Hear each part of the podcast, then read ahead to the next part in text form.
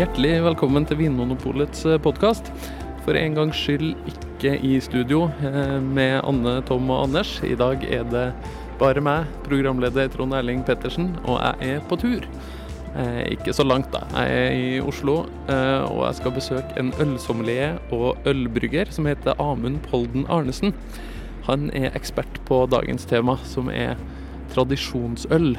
Norsk gårdsøl. Altså øl som er brygga på samme måte i, eh, på norske gårder i mange hundre år. Eh, med noen kryptiske, spennende ingredienser som f.eks. kveik og einelåg og ørderøkt malt fra Sandhus. Det høres jo så eksotisk ut at det bare kan komme fra Norge. For der er jo da faktisk en særegen norsk ølstil Eh, og vi kan faktisk finne elementer av eh, den tradisjonsbrygginga her i en del eh, kommersielle øl som er tilgjengelig på Vinmonopolet og i butikker og andre steder. Så derfor skal jeg nå inn til Amunds lille ølbryggeri og ta en prat med han om det norske tradisjonsølet. Ja, Amund. Vi er for å snakke om nordisk gårdsøl, eller tradisjonsøl, eller kjært barn har mange navn. Mm. Kan du prøve å forklare litt sånn enkelt og greit hva er det for noe? Dette her er siste rest av eh, gjenlevende bryggemetode som alle gårder i Europa på et eller annet tidspunkt drev på med. Ja. Og mye av det er relativt uforandra, og det er det som gjør det så unikt og spennende. Hmm. Hvordan brygga man øl i gamle dager? da? Kan du ta oss litt sånn gjennom den generelle bryggeprosessen? Ja, altså Hvis du går langt nok tilbake, så kan du i hvert fall glemme koking. Eh, da var det stort sett brygging i trekar. Eh, og man, eh, hvis man hadde noen form for oppvarming i det trekaret, så var det i så fall varme steiner. Og det er klart man kan, man kan få opp en kok, men man kan ikke holde en kok i en time med varme steiner. Så det, det vi kjenner som koking av vørter i dag, det kan du bare glemme. Mm. Um, Stort sett så var det alt røl, råøl, som vi kaller det i dag. Uh, det her med einer, einerlogg, bruk av ein, hele einekvister både i meskevannet og i, som silbunn i, i meskekaret, det er også en ting som er ganske utbredt. Eh, og ellers så finnes det nesten like mange teknikker som det fantes bønder. Altså.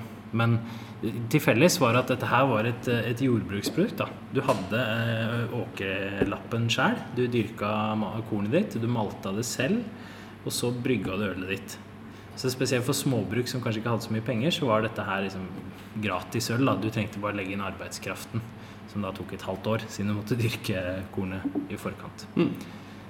Einelåg, sa du. Kan du eh, si litt hva, hva, er det, og hvordan bruker man det i eh, tradisjonell brygging? Det er rett og slett bryggevannet ditt, hvor du har putta hele einekvister oppi. Hvorfor og det? I tradisjonell eh, brygging så er dette her litt bakteriedempende. Dette var jo så klart ikke noe bøndene visste noe om for 200 år siden, men av ren sånn erfaring og empiri. Og jeg veit faktisk ikke hvor dette her har sin opprinnelse, hvem som først fant ut av dette her. Eh, men det er jo en busk som vokser nesten overalt. I hvert fall eh, her i Nord-Europa. Eh, mens vi ser f.eks. Eller i Skandinavia, nordiske landene. Hvis vi ser Danmark, så har de veldig lite av det. Og der ser man da at det har vært mindre brukt, da, naturlig nok, for det har ikke vært tilgjengelig. Nei. Men ved å, ved å, da bruke varm, nesten kokende einerlogg til å vaske disse trekarene med, så ville man da liksom både pga. temperaturen og pga. Det, dette antibakterielle i treverket fjerne melkesyreproduserende bakterier f.eks. Eller eddiksyreproduserende bakterier osv. Så, videre. så derfor kunne du faktisk brygge et tradisjonelt øl i et trekar og gjære det i trekar. Og ikke få et øl som er surt, så lenge det ble drukket relativt ferskt. Da. Så ølet ble godt når du brukte NR, og ja. da fortsatte man å gjøre det? Ja, det holdt lenger, liksom. Og du ser at det er liksom teknikkene som går litt igjen, da. Eh, hvordan eh, hindre at ølet blir dårlig, da. Eh, og det, det, som er litt fascinerende, at dette her var jo kokt veldig sammen overtro.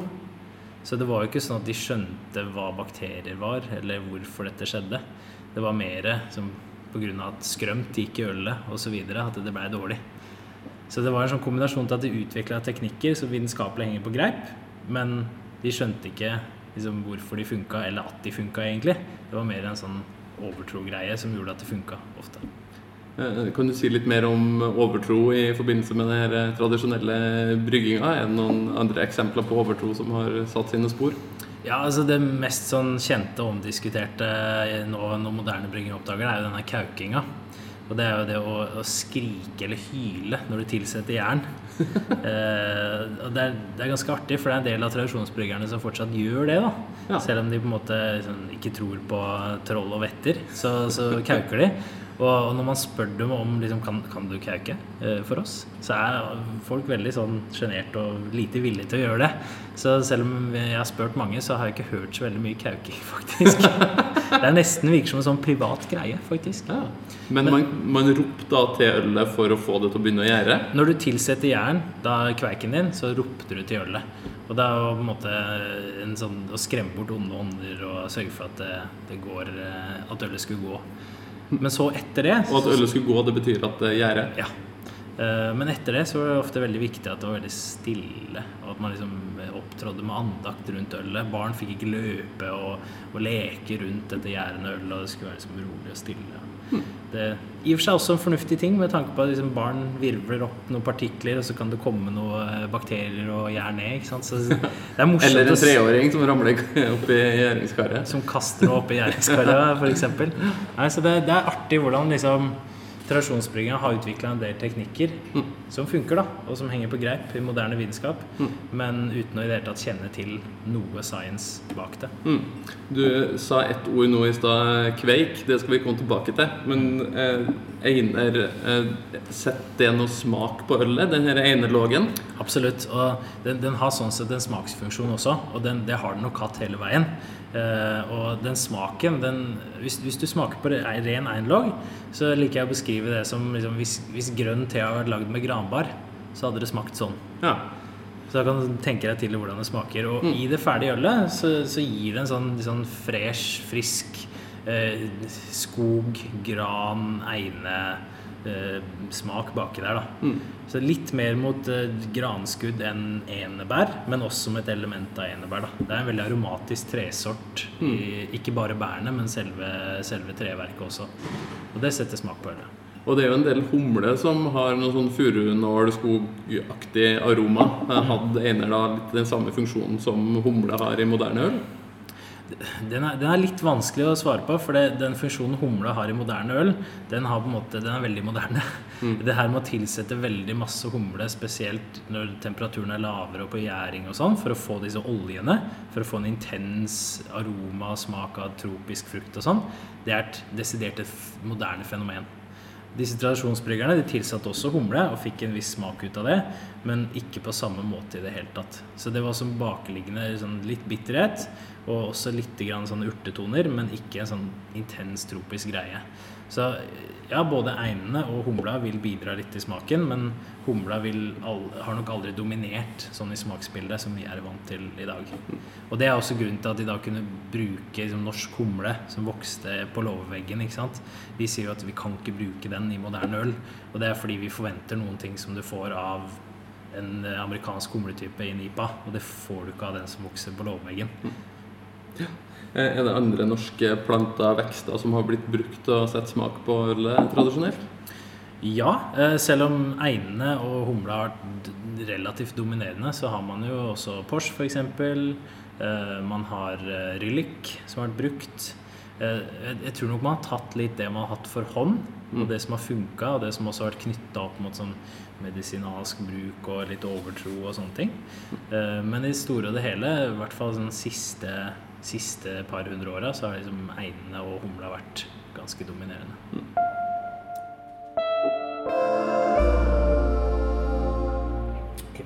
Så nevnte du kveik.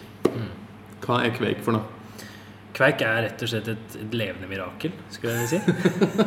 Høres ut som du snakker om et av barna dine nå. Ja, ja, altså Kveik er eh, jeg skulle si det er arvesølvet til alle norske bryggere. Eh, Det, det som er eh, liksom, unikt, da, det er at eh, mens alle andre bryggerier i hele verden de får jern sin fra et laboratorie. Og I det laboratoriet så rendyrker de en gjærcelle, og så ganger de den opp, så de får en encella gjærkultur. Og På et eller annet tidspunkt så kom den jern der fra et bryggeri et eller annet sted. og var da en sånn huskultur i det bryggeriet.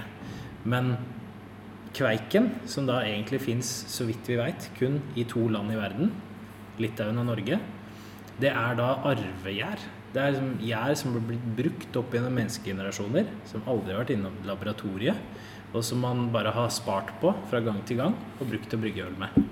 Litt som eh, et trau som har stått på en gård og blitt brukt til baking i, gjennom generasjoner, og der deigen på en måte bare har begynt å gjære av seg sjøl. Ikke sant? Ja, det, det er liksom Hvis du går tilbake før sånn 1860-1870 Hvis du skulle gjære et øl, og da ikke spontangjære, så, så måtte du ha jern sjøl. Kunne ikke kjøpe jern sted. Det fantes definitivt ingen jernlaboratorier. Og bakejern den kom først 1860-1870, hvor det var mulig å kjøpe det i butikk. Så da var det liksom kort etter å liksom bo ved siden av bryggeriet i en av de store by byene og få jern derfra, så, så, måtte du holde jernet din sjæl på Mm. gården. Ja, og I mange hundre år så visste man jo kanskje ikke hva som skjedde egentlig når man brygga øl og det begynte å gjære. nei, altså vi Det var en eller annen gang på 1800-tallet hvor jeg, jobben til Louis Pasteur og sånne ting fant ut av hva som faktisk skjedde under en fermenteringsprosess. At dette her ikke var en spontan kjemisk reaksjon, men at det var små sopp som faktisk gjorde det.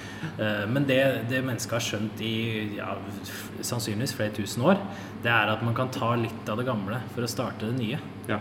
For de så Surdeig og ja, ikke sant? De så her, de, bare visuelt å se på karret og se her bobler det og øh, skjer ting. Og så smaker jeg på det etterpå. Hm, det smakte godt.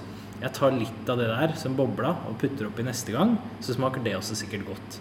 Det er en sånn veldig enkel, logisk reasoning som mm. mennesker har holdt på med veldig lenge. Eh, og På engelsk heter dette backslooping. Og dette her har har vært normen på hvordan man brygga veldig, veldig lenge. Mye lenger enn mange tror. Mange tror at liksom før så var alt spontangjæra. Eh, og, det nok Det har nok vært i spontangjæring, men desidert det som eh, har vært hovedmetoden, er å bruke litt av det gamle til å starte det nye. Hvordan funka det i praksis? da? Hadde man litt gammelt øl igjen, holdt jeg på å si? Eller litt av en, eh, en klump med gjær liksom, som man kasta oppi? Eller hvordan ble det gjort? Her fins det liksom igjen uendelige metoder å gjøre det på. Ja. Og vi ser liksom av de gjenlevende enklavene i Norge i dag, så har de forskjellige områdene forskjellige teknikker på det. Eh, I Hornindal så topphøster de. Dvs. Si at de liksom rett og slett skuper av gjær på toppen av ølet etter 48 timer ca. Og så smører de utover bakepapir, avispapir, og så tørker de det. Og så knekker de det opp, og så oppvarer de det tørt. Eh, andre, sånn, Går man lenger tilbake, så brukte man kanskje en kveikring. Som er en sånn ringkrans, nesten, lagd av trebiter for å ha mest mulig overflate på minst mulig Ja, Med masse kriker og kroker liksom, som Ja. jern kan sette seg i? Dypp, bare dra den rundt i, eh, i eh, kaka på toppen, eller i bånn, og så henger den til tørk. Så har du liksom noe å starte med neste gang. Så, Um, som du da bare kan putte oppi vørteren for å få ølet til å begynne å gjære neste gang? Og noen ganger så var det høy. Einekvister. Bare rørt opp i bunnfallet og hengt opp. Og, og også tilfeller hvor de bare har i, i trekarret da, igjen gammelt øl som du bare fyller ny vørte på, og så starter det på nytt. Så, du tørker ned. så det finnes masse metoder på det, men det som nok har blitt gjort mye, er den tørkemetoden. Eh, og eh, hvis man ser på moderne gjær, så er det nesten et problem for de som produserer tørr gjær, at veldig mange gjærtyper lar seg ikke tørke på en bra måte. Men stort sett all kveik lar seg tørke ekstremt godt og holder veldig lenge. Eh, tradisjonsbryggerne brygger stort sett én gang i året. Kanskje pluss pluss for noe bryllup og sånne ting. Og da må faktisk en jern holde et Mm. år. Og det gjør den. Mm. Og det gjør ikke moderne gjær i det hele tatt. Nei. Um, sånn I vinens verden så kan man jo lese om vin som ble solgt på 1600-1700-tallet, og liksom spekulere på hvordan smakte vinen den gang. Men når man nå har den her kveiken som kanskje har gått gjennom generasjoner, og man har på en måte litt den samme jærkulturen som man hadde for 200-300 år siden, eh, og man har tilgang på de samme råvarene, man har korn og man har einer osv., så, videre, så kan vi kanskje få en anelse i dag av hvordan det her urølet smakte. Absolutt. eh, Og, men den samme sykdommen har vi i ølverden. At det liksom en av forsker eh, får tak i en flaske som har ligget på havets bunn i 300 år, og så klarer han å isolere én gjærcelle fra den og ganger opp den, og så brygger han et øl med da den jern og moderne malt, moderne humle. Og så gjetter han litt. Og så Ja, dette er et unikt øl som det smakte for 300 år siden. Og det er nok litt sånn lotto, hvis han treffer på den. Mm. Men her sånn så har vi faktisk en ubrutt linje da, med teknikk og også noen av råvarene. Som gjør at desidert, hvis du liksom drar til Voss eller drar til Hornindal eller drar til Stjørdal og smaker noe som brygges av hjemmebryggere der, tradisjonelt, så vil du smake noe som er mye likere det som ble brygga på gårdene for mange hundre år siden, enn noe annet. Så det er liksom en sånn bit av levende historie da, som er utrolig fascinerende. Eh, og for oss i den moderne delen av bryggeverden så er det en, en litt sånn annen kontekst enn det pleier å være. For som oftest så liksom har man lest om en utdødd ølstil i en eller annen bok av en eller annen forfatter på sånn lett mangelfull research. Og så er det kjempegreit, for da kan du fylle inn litt blank selv, og så putter du liksom Saison-labelen på det, så kaller du det Farmhouse, og så kan du egentlig lage det ølet du vil, nesten. Eh, Her så kan du gjøre det òg, men du risikerer jo å bli tatt på det. Fordi drar du opp til Voss og begynner å stoppe folk på togstasjonen der og sier 'har du heimabrygg', så tror jeg ikke du skal spørre mange personene før du blir invitert hjem. Og da kan du smake ølet som det faktisk skal være og lever den dag i dag. Da. Og det er ganske unikt. Ja. Og hvis du skulle beskrive det ølet her da, sånn aromatisk smaksmessig, hvordan smaker det sammenligna med en moderne pils eller IPA? Er det liksom søtere, er det syrligere? Hvordan er aromaen eh, forskjellig? Det spørs litt hvor du er i landet, og litt hvem du er hos. Eh, Jeg skulle vel si at innafor bare det som er igjen av norsk gårdsbrygging, så har vi et eh, ganske distinkt røykøl i Stjørdal. Som smaker som er ofte er litt sånn mørkere i fargen. Eh, Smaker intenst bål, sånn som det lukter av klærne dine når du har vært på hytta. liksom. Mm. Og, og si kort hvordan lages det ølet eller maltet? Ja, det er sånn, så De er jo de eneste som fortsatt lager maltet sitt sjæl, tradisjonelt. Eh, Og da drar de enten på Felleskjøpet, eller så er de bønder så de har byggmalt selv. Og så spirer de det. Eh, Fukter det, spirer det. Og når de tørker det, så tørker de det under åpen ild. Da brenner de ordved under. Og så brenner de ofte ganske sånn sakte. Sånn at eh, mens da maltet tørker, så vil det også trekke til seg røyksmak fra den orveen. Og den, den røyksmaken den ligner ikke på sånn torvrøkt malt som du har i whisky. Det ligner heller ikke på bøkerøkt eh, malt som du har i Bamberg i Tyskland, på Rauchbier. Så dette her er liksom en helt ny, unik røyk... Eller ikke ny, gammel, men for, for den moderne ølverden ny røykølstil Ja. som er helt distinkt. Fra Eh, Sandhusene i Stjørdal. Yes. Og det, det, her liksom, det her ligner ikke i det hele tatt på det du får i Voss. Der får du, Og de har ikke egen kveik lenger, forresten, eh, i Stjørdal. Så de bruker da moderne gjær. Eh, Men drar du til Voss, så har du ofte øl som kokes ganske lenge. Noen koker sånn fire-fem timer. Og da får du noen ganske kraftige Maillard-karakterer.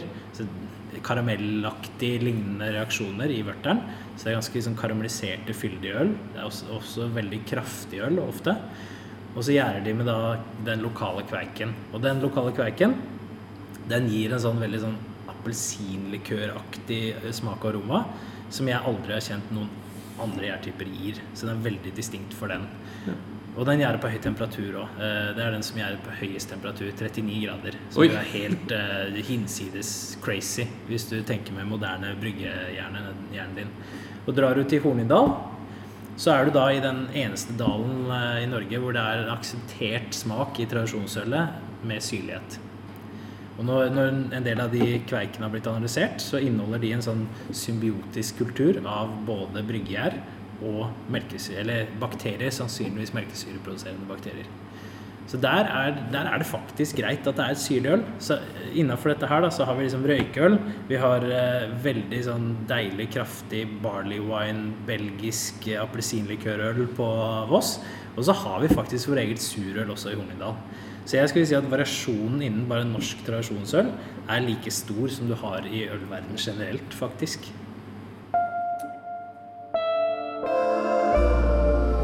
Og hvis man skal smake det ølet her i dag, så må man jo kanskje besøke noen som brygger på denne måten hjemme på Voss eller eh, på Stjørdal eller hvor det måtte være. Men det har begynt å komme litt sånn kommersielle øl med, med noen spor, med noen små hint av noen av de her ingrediensene. Ja.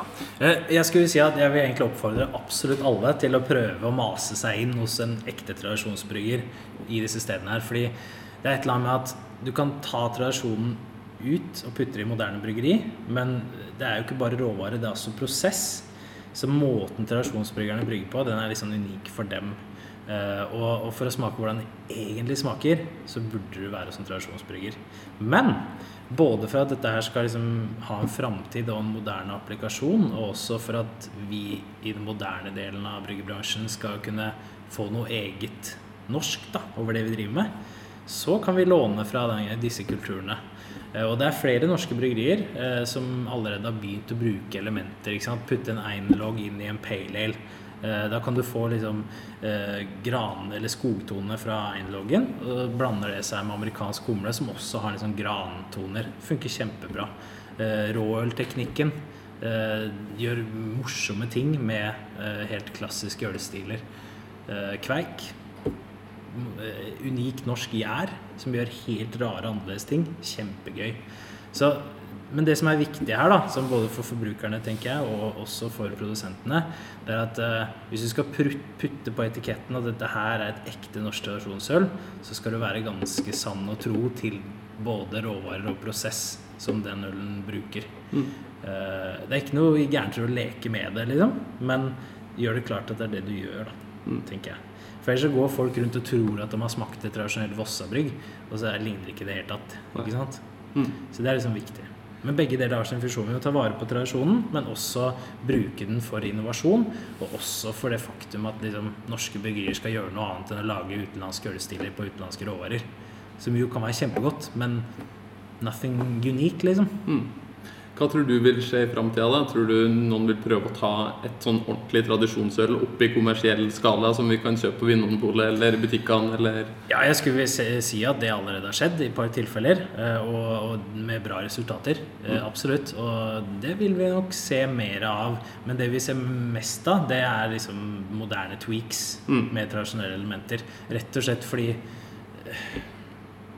vanskelig å si hvordan markedet er i fremtida, men dette er jo ikke smaker som den norske befolkninga er kondisjonert på. Nei, Det er lettere uh, å få eh, folk til å kjøpe en IPA med en norsk twist enn å få noen til å kjøpe et Stjørdalsøl. Ikke sant. Du må rett og slett ha litt større baller og ta litt større risiko for å gjøre noe 100 tradisjonelt. Uh, og også fordi at det er litt tungvint å lage uh, den på den skalaen. Mm. og det er nok liksom jeg, jeg, tror liksom de fleste moderne mikrobryggere de liker å leke på den måten. At de liksom henter noen elementer og så gjør de sin egen variant og vri mm. og moderne. og sånn. Så jeg tror liksom at det er på en måte den største boken. Og så vil vi se også Jeg håper i hvert fall at vi komme den dagen vi kan gå på Vinmonopolet eller butikken og liksom ha noen gode, distinkte, klassiske eh, tradisjonsøl tilgjengelig hele tida. Mm. Det har vært kjempegøy. Mm. Eh, hva med når det gjelder til mat? Eh, har du hatt noen gode opplevelser med, med, øl med sånne norske tradisjonselementer til mat, eller har det noen plass i, i, liksom, i kombinasjon med den maten vi spiser nå i 2017? Ja, absolutt. Altså, jeg skulle si at det er, det er ganske matvennlig øl, alle de typene. Eh, Vossabrygg med røkt smalahove har jeg smakt, og det er en kjempegod kombinasjon. Eh, siden det er så mye av den karamelliseringa og sånne ting, så funker det kjempebra i liksom, eh, de samme reaksjonene som du får i det sauve, halve sauetrynet når det er røkt og, og varmebehandla. Ja. Eh, så det funker kjempebra sammen. Mm. Hornindalsølet er liksom litt lysere, litt friskere i stilen, så det kan nok ha applikasjoner for litt lettere retter. Um, og liksom røykpreget i Stjørdalsølet også røykøl og mat, kan være kjempespennende å kombinere. Mm. Og jeg tenker at der er det litt sånn Litt sånn som man kan tenke i vinverden noen ganger. Ofte så det sånn lokale spesialiteter funker med hverandre. Altså En lokal ost funker med en lokal hetvin osv. Så videre. mm. Sånn tenker jeg man kan tenke litt her også. da mm. liksom, Klassisk sodd med stjørdalsøl, eh, smalahove med vossaøl vossa eh, osv. Og, mm. og så kan man liksom utbrodere på det. Men det er absolutt øl som har applikasjoner i forhold til mat. Også. Mm. Så ditt uh, heteste tips til folk der hjemme er egentlig uh, finn din nærmeste tradisjonsbrygger og mas til du får lov til å smake. Yes, og pga. internett så er jo det lettere enn det var før. Ja. Det finnes jo Facebook-grupper og det finnes måter å finne fram til disse tradisjonsbryggerne nå mm. uh, som ikke var der før. da. Mm. Og det er jo ofte litt særringer og raringer og sånne ting som liksom approach med respekt og, og være interessert og ydmyk, så tror jeg du kan lett få en invitasjon. For når du først liksom, de har akseptert deg, så er de verdens mest gjestfrie, kule folk, stort sett. Ja, Så det er bare å google Kveik, og så er man plutselig inn i en verden eh, med linjer til mange hundre år tilbake i tid. Jeg tror Google, som i alle andre situasjoner, kan være et veldig bra hjelpemiddel her, faktisk. Ja, Så bra. Tusen takk for praten. Ja, bare hyggelig. Takk for at du hører på Vinmonopolets podkast. Har du forslag til et tema i podkasten? Send mail til podkast at vinmonopolet.no. I tillegg svarer kundesenteret deg på e-post, chat og telefon. Ring 04560 eller besøk vinmonopolet.no.